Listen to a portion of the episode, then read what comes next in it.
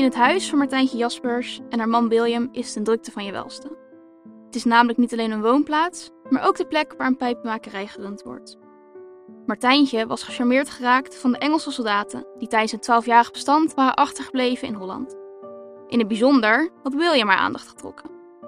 Martijntje en William trouwden en William werd al snel Willem, met als achternaam Barends. Dit was een verbastering van zijn Engelse achternaam. In 1617 begon hij met het maken van pijpen om wat extra geld te verdienen. Door de tijdelijke vrede was er toch weinig voor hem te doen als soldaat. Tabak was populair in zijn moederland. Het werd door de Engelsen helemaal uit het Amerikaanse Virginia gehaald. Zouden de Hollanders hier ook vervallen? In de werkruimte in de woning van het stel is het een drukke bedoeling. Want niet alleen Willem en zijn drie Engelse collega's zijn druk aan het werk, maar ook Martijntje helpt mee. Het vervaardigen van de kleie pijpen is zwaar werk en hier is dan ook de spierkracht van de vier mannen voor nodig. Het laatste deel van het productieproces is echter een wat preciezer taakje. De gebakken pijp moet voorzichtig gepolijst en geglazuurd worden. Aangezien de mannen hier te lomp voor zijn, voert Martijntje dit uit. Dit doet ze samen met kinderen die zo'n zakcentje bijverdienen.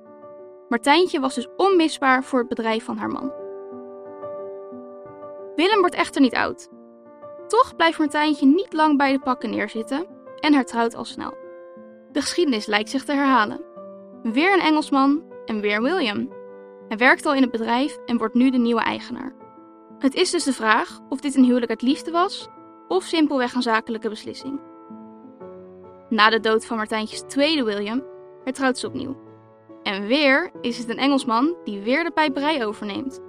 Of hij ook weer William heette, is onbekend.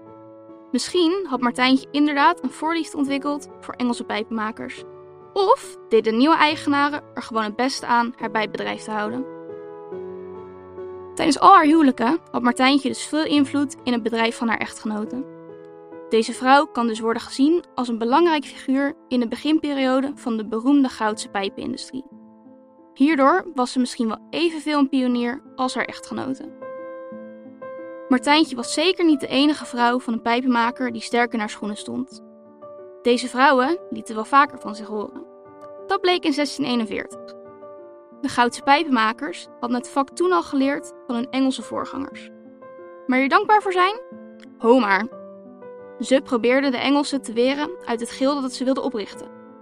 Het waren de vrouwen van de Engelse pijpenmakers die hier een stokje voor staken. Ze tekenden protest aan bij het stadsbestuur. En met succes. Martijntjes betrokkenheid in de pijpenmakerij laat zien hoe belangrijk vrouwen ook in de 17e eeuw waren voor de economie.